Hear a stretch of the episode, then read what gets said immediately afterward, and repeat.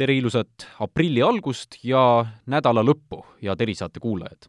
pikem nädalavahetus on tulemas, nii et töönädal saab läbi siin ja täna. küll aga, millest me täna räägime, on midagi, mis juhtus kaks aastat, võib-olla et isegi rohkem tagasi. nimelt kahekümne esimesel veebruaril kaks tuhat üheksateist kirjutasid kaheksa erakonda, nüüd siis praegu ka neist viis, mis on Riigikogus esindatud, alla memorandumile, et Eestis ära teha riigireform. kujundlikult võiks öelda siis, et riigireformi eesmärk on riigiaparaati taltsutada ning seda siis tõhusamaks muuta.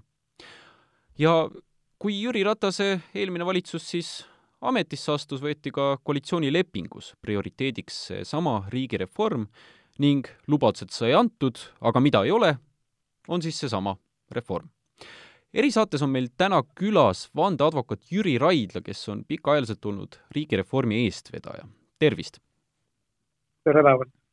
ja küsiks kohe alguses seda, et kui te nüüd olete seda protsessi kõrvalt jälginud, miks see riigireform toppama on jäänud, et nagu öeldud, lubadused ju sai antud?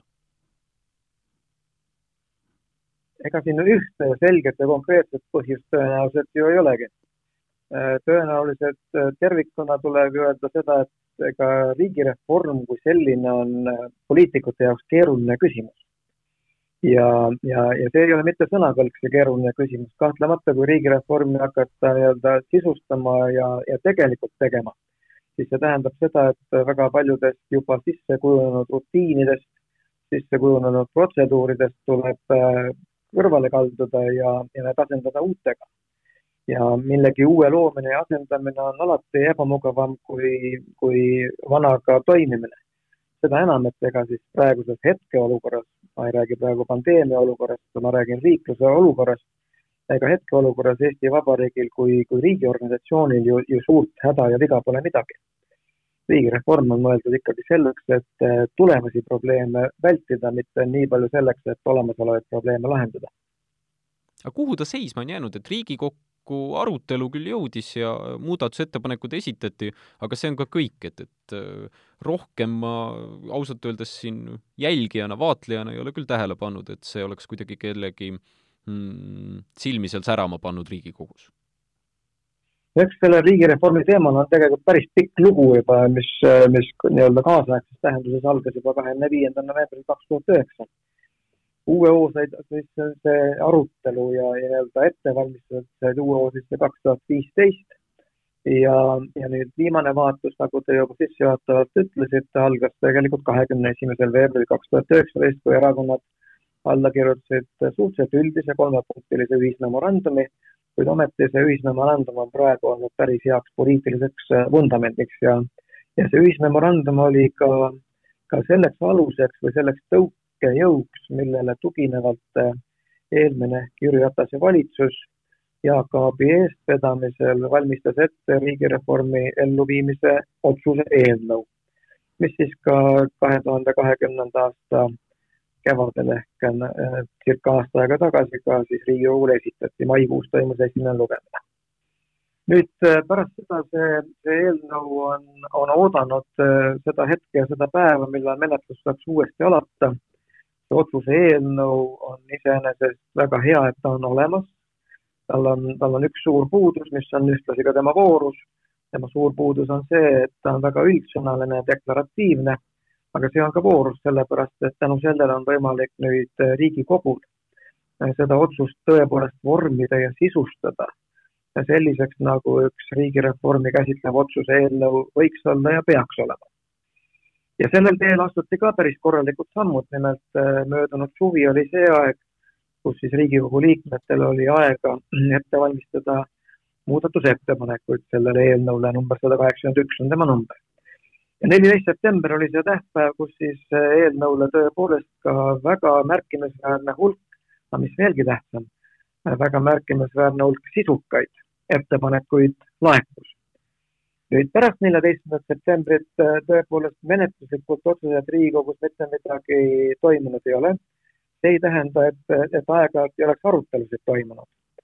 ja, ja siin tuleb noh, mõnes mõttes ikka väga selge kompliment öelda, öelda härra Karilaidile, Jaanus Karilaidile, kes möödunud aasta kevadel organiseeris Riigikogus riigireformi toetusrühma. Ja ilmselt panite tähele, et äh, just nimelt eile ilmus Karilaidilt arvamuslugu Eesti Rahvusringhäälingu portaalis. ja siin ma julgen mõnes mõttes võib-olla informeeritud isikuna öelda niimoodi, et et sellised lood reeglina, kui on tegemist vana asja uuesti alustamisega, ei ilmu juhuslikult. ja see juhuslikkus tõepoolest praegusel juhul ei olegi olnud juhus. Karilaid on nimelt oma toetusrühmaga uuesti nii-öelda käivitanud selle otsuse eelnõu sada kaheksakümmend üks menetluse. ehk teisisõnu, praegusel hetkel saan öelda seda, et Riigikogus on arutelud riigireformi teemal taas aktiviseerumas Karilaidi artiklit ma lugesin ka ja seal ta kirjutas, et eelmine koalitsioon venitas selle riigireformiga, et milline see tempo huvitav peaks olema või mis oleks selline järgmine loogiline samm, mis võiks äh, tulla siis?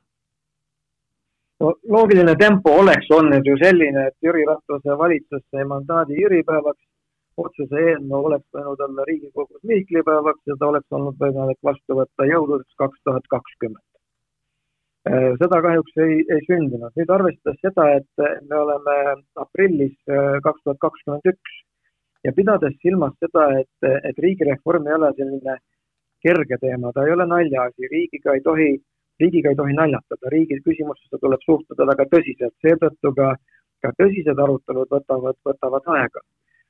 Äh, minu silmis oleks ju, ju, ju, ju tegelikult päris optimaalne see, kui kui enne suvepuhkusele minekut saaks parlament äh, ära teha järgmise lugemise, otsused saab vastu võtta ka kahe lugemisega, kuid ei ole üldse välistatud see, et siin tuleb teist lugemist sel juhul veel katkestada selleks, et, et oleks võimalik sügisel see otsus vastu võtta. loomulikult oleks suurepärane, kui otsus saaks vastu võetud jaanipäevaks, aga kujunenud olukorras ei ole midagi hullu, kui otsus võetakse vastu ka mihklipäevaks. no praegu on muidugi kriisiaeg, aga võib-olla see on ka parim aeg muudatusteks, et kui ma mõtlen, kus ähm, riigiaparaadi valukohad võib-olla välja on löönud, siis võib-olla ongi pandeemia ajal erinevad süsteemid, mis natukene lonkavad jalga, et kui mul endal meelde tuleb, siis võib-olla see on pisiasi, et, et äh, siin aastakese lennujaamas äh, kui keegi tuli lennult, siis pidi täitma hunnikute või vähemalt ühe suure paberi seal. kuigi näiteks samal ajal inglastel oli juba välja mõeldud äh, telefoniga selline süsteem, mis äh, käis palju kiiremini ja tõhusamalt. aga see on üksik lahendus, kui, kui suur või, või ähm, kui äh, oluline osa see riigiaparaadist huvitav on, mis näiteks just praegu keset kriisi on välja löönud, mida riigireform võiks muuta no kriisidel ongi selline omapärane omadus, et ühelt poolt on ju kriisi ajal vaja tegeleda kriisiga, see, see hõivab tohutu hulga aega ja energiat, mis on täiesti mõistetav. seda nii, seda nii valitsuses kui ka parlamendis. teiselt poolt, ega kriisiajad reeglina ongi ju sellised ajad, kus, kus sellised kvalitatiivselt olulised reformid sünnivad ja, ja, ja küllap võib-olla see pandeemia aeg ka selles mõttes ka riigireformi nii-öelda taaskäivitamiseks oleks, oleks päris õige aeg. nüüd esimene asi, mida on ju vaja tegelikult ära otsustada Riigikogu tasandil ja ma rõhutan, et Riigikogu on ainus organ Eesti riigis, kellel on olemas mandaat otsustada, mis asi see riigireform on. täna on ju tegelikult niimoodi, et riigireformi mõiste on otsustamata kõik, kes riigireformist kõnelevad, ühel või teisel määral mõistavad riigireformi erineval kombel ja, ja seetõttu on sageli võimalik rääkida, et muudkui aga teeme aga riigireformi, räägib üks seltskond ja teine seltskond räägib, et mitte midagi ei ole tehtud ja mõlemal seltskonnal on õigus. et, et esimene asi ongi riigireformi mõiste ära otsustada ja, ja miks ma selle pika jutu praegu rääkisin teie küsimusele vastamiseks, on see, et, et minu arusaamise ja ka Riigireformi Sihtasutuse ettepaneku kohaselt äh, riigireform on avaliku võimu organisatsiooni reform. see tähendab seda, ta puudutab täitevvõimu, nii keskvõimu kui ka allasutusi, ta puudutab põhiseaduslikke institutsioone ja ta puudut-, puudutab kohalikku omavalitsust. riigireform ei tegele õpetajatega, riigireform ei tegele arstidega, meditsiinipersonaliga, neid asju on väga sageli kasutatud selliseks äh, pseudoargumentideks riigireformi vastu, et justkui riigireform tooks kaasa mingisugused koondamised õpetajate või meditsiinipersonali hulgas, absoluutselt mitte. Need on täiesti erinevad asjad. aga selleks, et kõik, kõik saaksid mõista, et nad on erinevad asjad, ongi number üks küsimus Riigikogu ees, ära otsustada, mis on, mis on riigireform. selles osas mul on, mul on hea meel, et ka, et ka nii-öelda minu ja Riigireformi Sihtasutuse arusaamise kohaselt õige riigireformi ette, määratluse ettepanek on praegu laua peal olemas, selle esitasid Riigikogu liikmed Viktoria Ladõnskaja-Kubits ja Andres Metsoja. ja ma tean ka seda, et üks väga niisugune põhjalik ja esinduslik nõupidamine, mis toimus üheteistkümnendal detsembril kaks tuhat kakskümmend, ka seda käsitlust aktsepteeris. nii et selles mõttes, kui nüüd menetlus uuesti lahti läheb, siis loodetavasti kõigepealt otsustatakse ära riigireformi definitsioon ehk mõiste ja siis on võimalik hakata teda juba esitatud ettepanekute alusel sisustama ideaalis oleks ju muidugi see, kõik ettepanekud, mis praegu on eelnõule esitatud ja, ja siin ma ei, ei liialda, kõik ettepanekud on tegelikult sobilikud selle eelnõu täiendamiseks. ehk Riigikogul on olemas põhiseaduskomisjoni laua peal piltlikult öeldes tööriistakast, kus on olemas kõik vajalikud tööriistad selleks, et see riigireformi kontseptsioon kokku meisterdada. Huvitav, kui mõni nendest tööriistadest oleks praegu juba kasutuses, kas kuidagi oleks pandeemiaga paremini toime tuldud või näiteks mõned järgmised kriisid, sest ega kriise juhtub alati, et, et olgu möödas kümme või viiskümmend aastat, ikka midagi juhtub. et kas on mõni selline tööriist, mis aitaks riigil efektiivsemalt nendega toime tulla? ja ma arvan küll ja, ja, ja see on, see on tööriist, mille on tegelikult välja pakkunud meie IT-kurud eesotsas Jaan Pillesaarega, kes on leidnud, et põhimõtteliselt on võimalik eh, riigis nii-öelda täitevvõimu poolt ja täitmise pool, üks on loome pool, õigusloome aktide väljatöötamine, see on see loome pool ja teine on täitmise pool. et seda täitmise poolt on võimalik eh, erakordselt suures ulatuses digitaliseerida. ja, ja see omakorda riigireformi otsene eesmärk muide ei ole ametkond, ametnike vähendamine see ametnike vähendamine, vähenemine on tegelikult riigireformi kõrvalprodukt. ja just nimelt see algoritmistamine ehk, ehk IT-lahenduste viimine uuele tasandile, me oleme oma IT-süsteemidega Eestis praegu väga heal tasemel, kuid me oleme platool, me ei ole praegu nagu, nagu mäkke ronimas, me ei ole tõusuteel. et täiesti selgelt uut impulssi on vaja ja ma kujutan ette, et kui, kui need algoritmistamise ideed oleks juba praegu olnud realiseeritud, siis tõenäoliselt üsna kindlasti me ei oleks tegelenud sellega, kuidas siis äh, vaktsineerimissoovijate sooviavaldused tuleb kanda Exceli tabelitesse, siis need Exceli tabeleid erinevate ametkondade vahel edasi-tagasi pallitada ja lõppkokkuvõttes selgub, et nad veel ei, omavahel ei ühildu ka. selle kohta üks tõeline IT-guru hiljuti, kui ta oli esimeses stuudios, ütles et selle protsessi kohta, et tegemist on, on piinliku näitega Eesti riigipidamise loos ehk teisisõnu, ma arvan, et jah, mitmed asjad, mida ka riigireformi raamides on välja pakutud juhul, kui nad oleks olnud realiseeritud, oleks olnud juba tõenäoliselt ka praegu pandeemia tingimustes Eesti riigi nii-öelda toimimisele väga selgelt kasulikud. võib-olla poliitikutel on väga raske seda oma valijatele selgitada, et ma kujutan ette, et üksikasju on palju kergem ju öelda, et näiteks tõstsime pensioni, palun, ostsime uued rongid, mine ja vaata oma silmaga või ehitasime maanteed, mine ja palun sõida. Mm. aga töökorralduse muutmist, kuid-, kuidas seda üldse valimistele viia, on ju, et, et seda enam, kui see peaks olema erakondadeülene? vot siin on nüüd üks huvitav aspekt ja, ja, ja seda ma olen ka tõepoolest erakondade esindajatel omalt poolt püüdnud pidevalt äh, propageerida, kui riigireformi temaatika tahetakse konverteerida valijate häält järgmistel või ülejärgmistel valimistel, siis riigireformi sel juhul ei saa teha natukene. et, et üks tükikene siit ja teine tükike sealt, sest see tegelikult ei kõneta valijaid.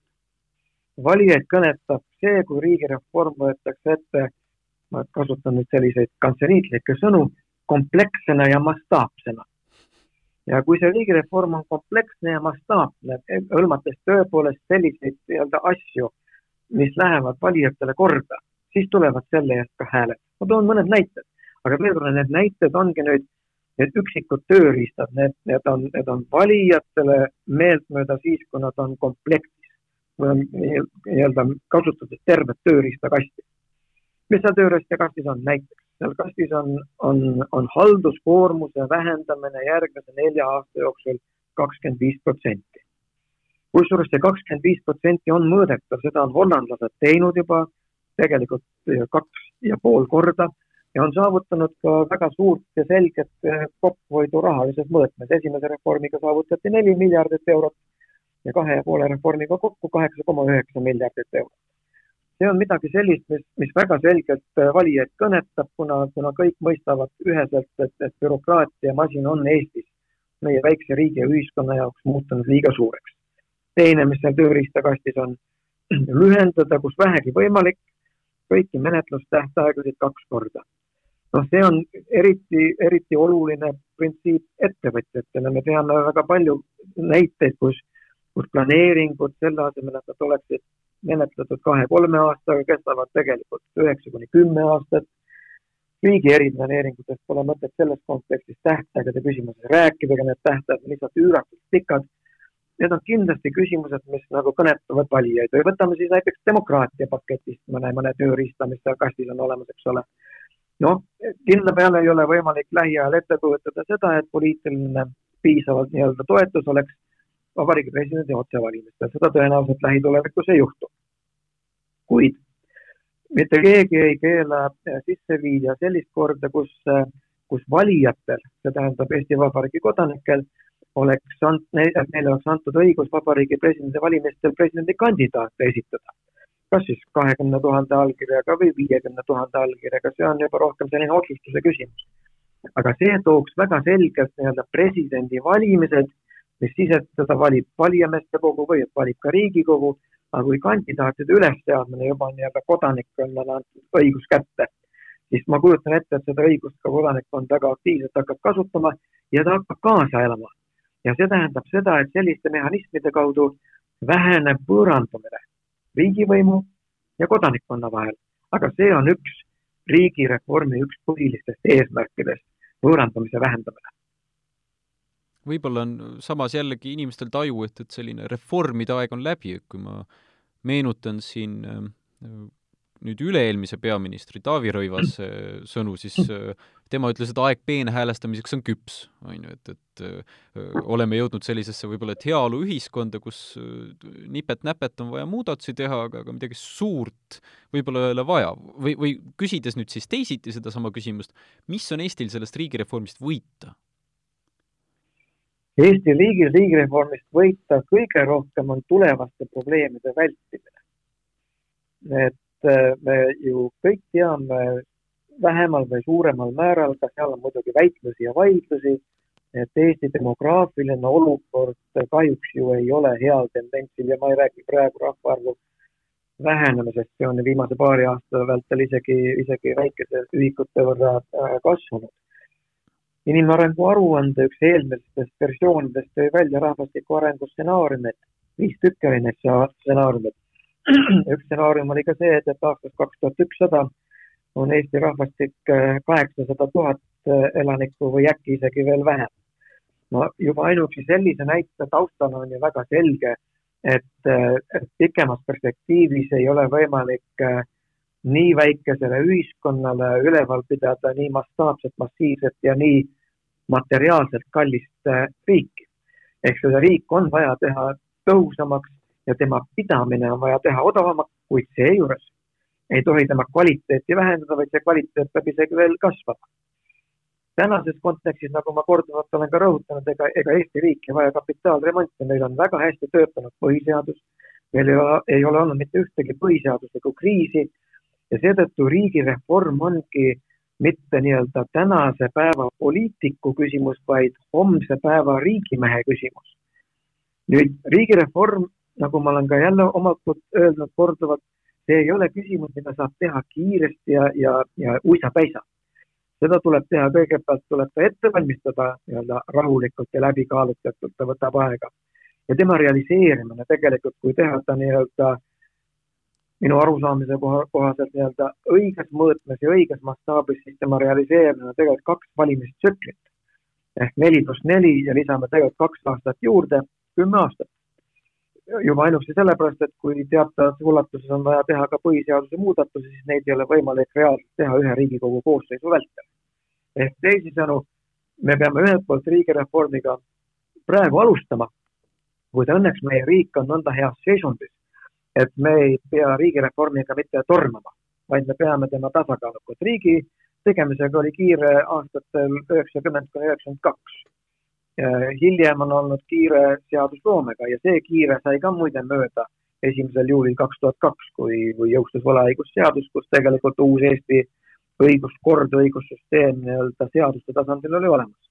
seega praegu ei pea me enda tormama, kuid see ei tähenda seda, et me peaksime riigireformiga alustamist edasi lükkama, edasilükkamine algusega on kurjast ma mäletan eelmises valitsuses pressikonverentsidel riigihalduse minister Jaak Aab ikka käis kohal ja jälle raporteeris, et see ametkond pandi kokku ja, ja siit öö, muudeti töökohti ja nii edasi ja tagasi.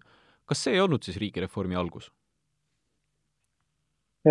kahtlemata on tegemist riigireformi hulka kuuluva komponendiga äh,. igal juhul on nii-öelda ametite konsolideerimine eesmärgiga muuta nad efektiivsemaks, seab pikemas perspektiivis ka väiksema ametnikkonnaga teha ära sama suur või veelgi suurem töö. See on kahtlemata üks osa riigireformist, selles ei ole kahtlustki. täpselt samamoodi üks osa riigireformist oli ka läbi viidud haldusreform, kuigi haldusreform jäi poolele teele pidama minu arusaamise ja väga paljude inimeste, teiste inimeste arusaamise kohaselt haldusreform pidanuks jõudma sinnamaale välja, et, et omavalitsusüksusteks oleksid pidanud muutuma maakonnad, kuid nii või teisiti, ka see haldusreform oli osa riigireformist. nagu ma ka sissejuhatavalt ütlesin, riigireformi kui tervikkontseptsiooni, kui tervikmõistet ei ole praegu veel keegi ära defineerinud, olgu märgitud, et äh, suhteliselt hea Äh, riigireformi käsitluse, sellise määratluse äh, võttis kasutusele seesama Jüri Ratase valitsus sellesama riigihaldusministri Jaak Aabi eestvedamisel. dateeritud on see memorandum esimese augustiga kaks tuhat üheksateist, kui, kui Ratase valitsus võttis vastu nii-öelda valitsussektoris äh, läbiviidava riigireformi tegevuskava. aga see on üks osa ainult. tervikut ei ole praegu meil keegi veel Eestis kahjuks ära otsustanud kui see kaks tuhat üheksateist oli käes, pall läks poliitikute kätte ja Riigireformi Sihtasutus pani uksed kinni, kui nii võib öelda, siis äh, kui palju te ise olete pärast seda üldse näppu pulsil hoidnud, et ma kuulen küll, et kuupäevad kõik on väga selged, aga äh, kas te olete sama aktiivselt selles äh, osaline või, või mis, mis on teie roll? ma olen olnud väga aktiivne osaline tegelikult ja see minu roll on olnud Riigireformi Sihtasutus oligi asutatud tähtajalisena üheks aastaks. Maikuus kaks tuhat kaheksateist asutati ja, ja maikuus kaks tuhat üheksateist ta likvideeriti, aga see ei tähenda seda, et Riigireformi Sihtasutusega seotud inimesed oleksid ära kadunud, sealhulgas ma ise. et, et ma olen selle riigireformiga jätkuvalt väga aktiivselt edasi tegelenud, kuigi võib-olla ta jah, ütleme niimoodi meedias ja avalikkuse ees ei ole nõnda palju välja paistnud aga mul on olnud, olnud pidevad ja väga tihedad konsultatsioonid äh, Riigikogu liikmetega ja tegelikult kõikidesse erakondadesse kuuluvate Riigikogu liikmetega. ja ka viimases, viimases otsas ütleme niimoodi, et, et ka, ka Riigireformi siht, vabandust, siis äh, toetusrühma juhi Jaanus Karilaidiga on mul kontaktid olnud pidevad ja tihedad ja ka need viimased aktiviteedid, millega, millega Karilaid on praegu üles astunud Äh, mul on olnud hea meel ja võimalus ka neid temaga eelnevalt arutada. Aga veel täna hommikul toimus äh, üle Teamsi üks, üks koosolek just nimelt riigireformi küsimustes. kas keegi poliitikutest on kõvasti ka vastu porisenud või, või öelnud, et äh, üldse ei taha kuulda sellest riigireformist, sest kui ma mõtlen, teeme riigi tõhusamaks, no loomulikult, miks mitte, mis seal ikka vastu vaielda?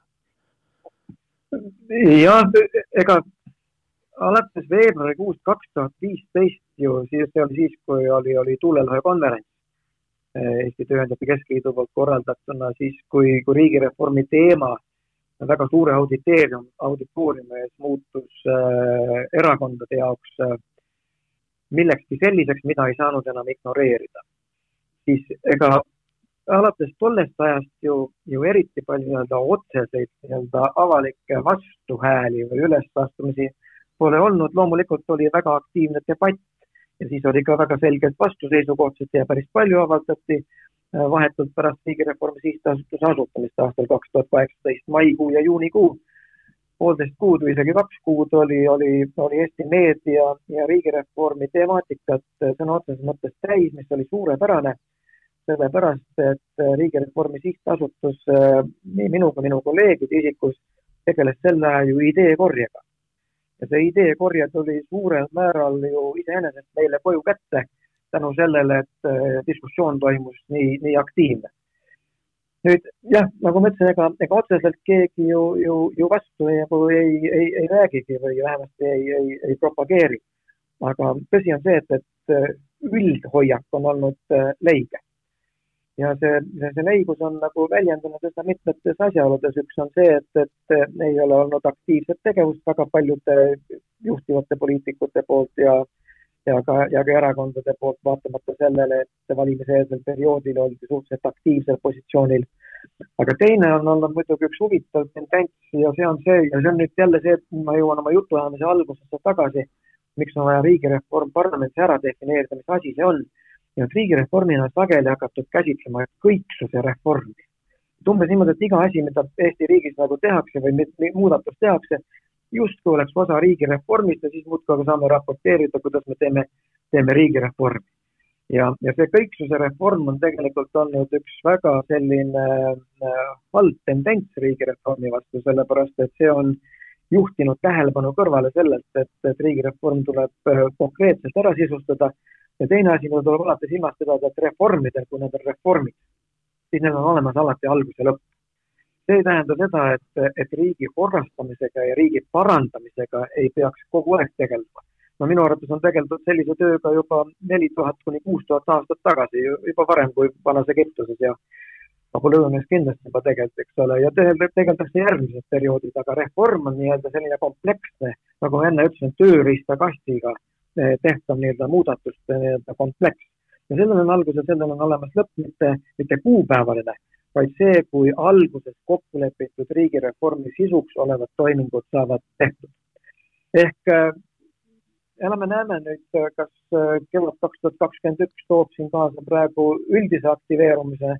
ma loodan, et härra Karilaidi initsiatiiv, kuna ta on tõepoolest praegu tulnud selgelt Riigikogu seest, see initsiatiiv ehk ta leiab ikkagi nüüd äh, soodsama pinnase. initsiatiiv on üks asi, aga kindlus on ju teine, et kui Ratase koalitsioonis oli see koalitsioonileppes sees vähemastki, siis Kallase koalitsioonis seda ei ole. jah, Kallase koalitsioonilepingus seda tõepoolest ei ole äh, sellisel viisil. ma isegi ei oska öelda, kas see on, äh, kas see on hea või halb, loomulikult teeb see ettevaatlikuks, et et koalitsiooni läbirääkimistel seda teemat ei, ei prioritiseeritud. samas ma natukene, noh, ma ei kuulu nende hulka, kes on, on niisugune padukriitiline poliitikute aadressil, kaugel sellest. Neid tuleb ka mõista ja aru saada, tuleb ikkagi silmas pidada, millises olukorras pandi koalitsioon kokku ja millises olukorras tehti koalitsioonilepingut. me olime ikkagi siis juba lähenemas äh, pandeemia tipule Eestis ja, ja tõenäoliselt selles olukorras äh, ei olnud võib-olla tõesti piisavalt palju ruumi ja tähelepanu riigireformile ehk, ehk ma suhtun sellesse mõistmisega. samas ju, kuivõrd äh, tänase koalitsiooni mõlemad partnerid on ju, ju riigireformi ühismemorandumile alla kirjutanud, kus on sõnaselgelt kirjas, et äh, riigireformi prioritiseeritakse aastatel kaks tuhat üheksateist kuni kaks tuhat kakskümmend kolm. ma ikkagi loodan jätkuvalt seda, et see ühismemorandum on äh, siduv erakondadele sõltumata sellest, kas konkreetselt äh, koalitsioonilepingus see säte on kirjas või mitte. viimane küsimus, kas äh, riigireformi sihtasutusel on mingil viisil ka veel edasi plaanis avalikkuses tegeleda riigireformi küsimusega või nüüd ongi asi lihtsalt poliitikute käes ja vaatame, mis edasi saab? noh, sihtasutus kui selline ei tegele, seepärast sihtasutus on juba likvideeritud. Äh, sihtasutuse toimeisikud, sealhulgas mina ja teised, kindla peale tegelevad edasi ja, ja nimetagem seda siis äh, propageerimiseks, veenmiseks, lobiks äh,, mis iganes selle, selle tegevuse õige termin ja õige mõiste on. kahtlemata me oleme jätkuvalt huvitatud sellest, et, et Riigireformi Sihtasutuse kontseptsioon ja selle kontseptsiooni juurde kuuluvad kuuskümmend seitse ettepanekut et selle ettepanekute ja kontseptsiooni enamik ja südamik saaks realiseeritud. Kui mitte selle Riigikogu koosseisu ajal, siis igal juhul loodame seda teha järgmise koosseisu ajal. aga praegu on tekkinud ka lootus, et ka sellel koosseisu ajal on, on võimalik üht-teist saavutada. suur aitäh teile, Jüri Raidla, et tulite meile saatesse külla, meie pooltunnikest on läbi, aga kindlasti kuuleme edasi ja tänan ka erisaate kuulajaid, et olite meiega. kõike kena ja ilusat kevade jätku! head päeva, suur tänu!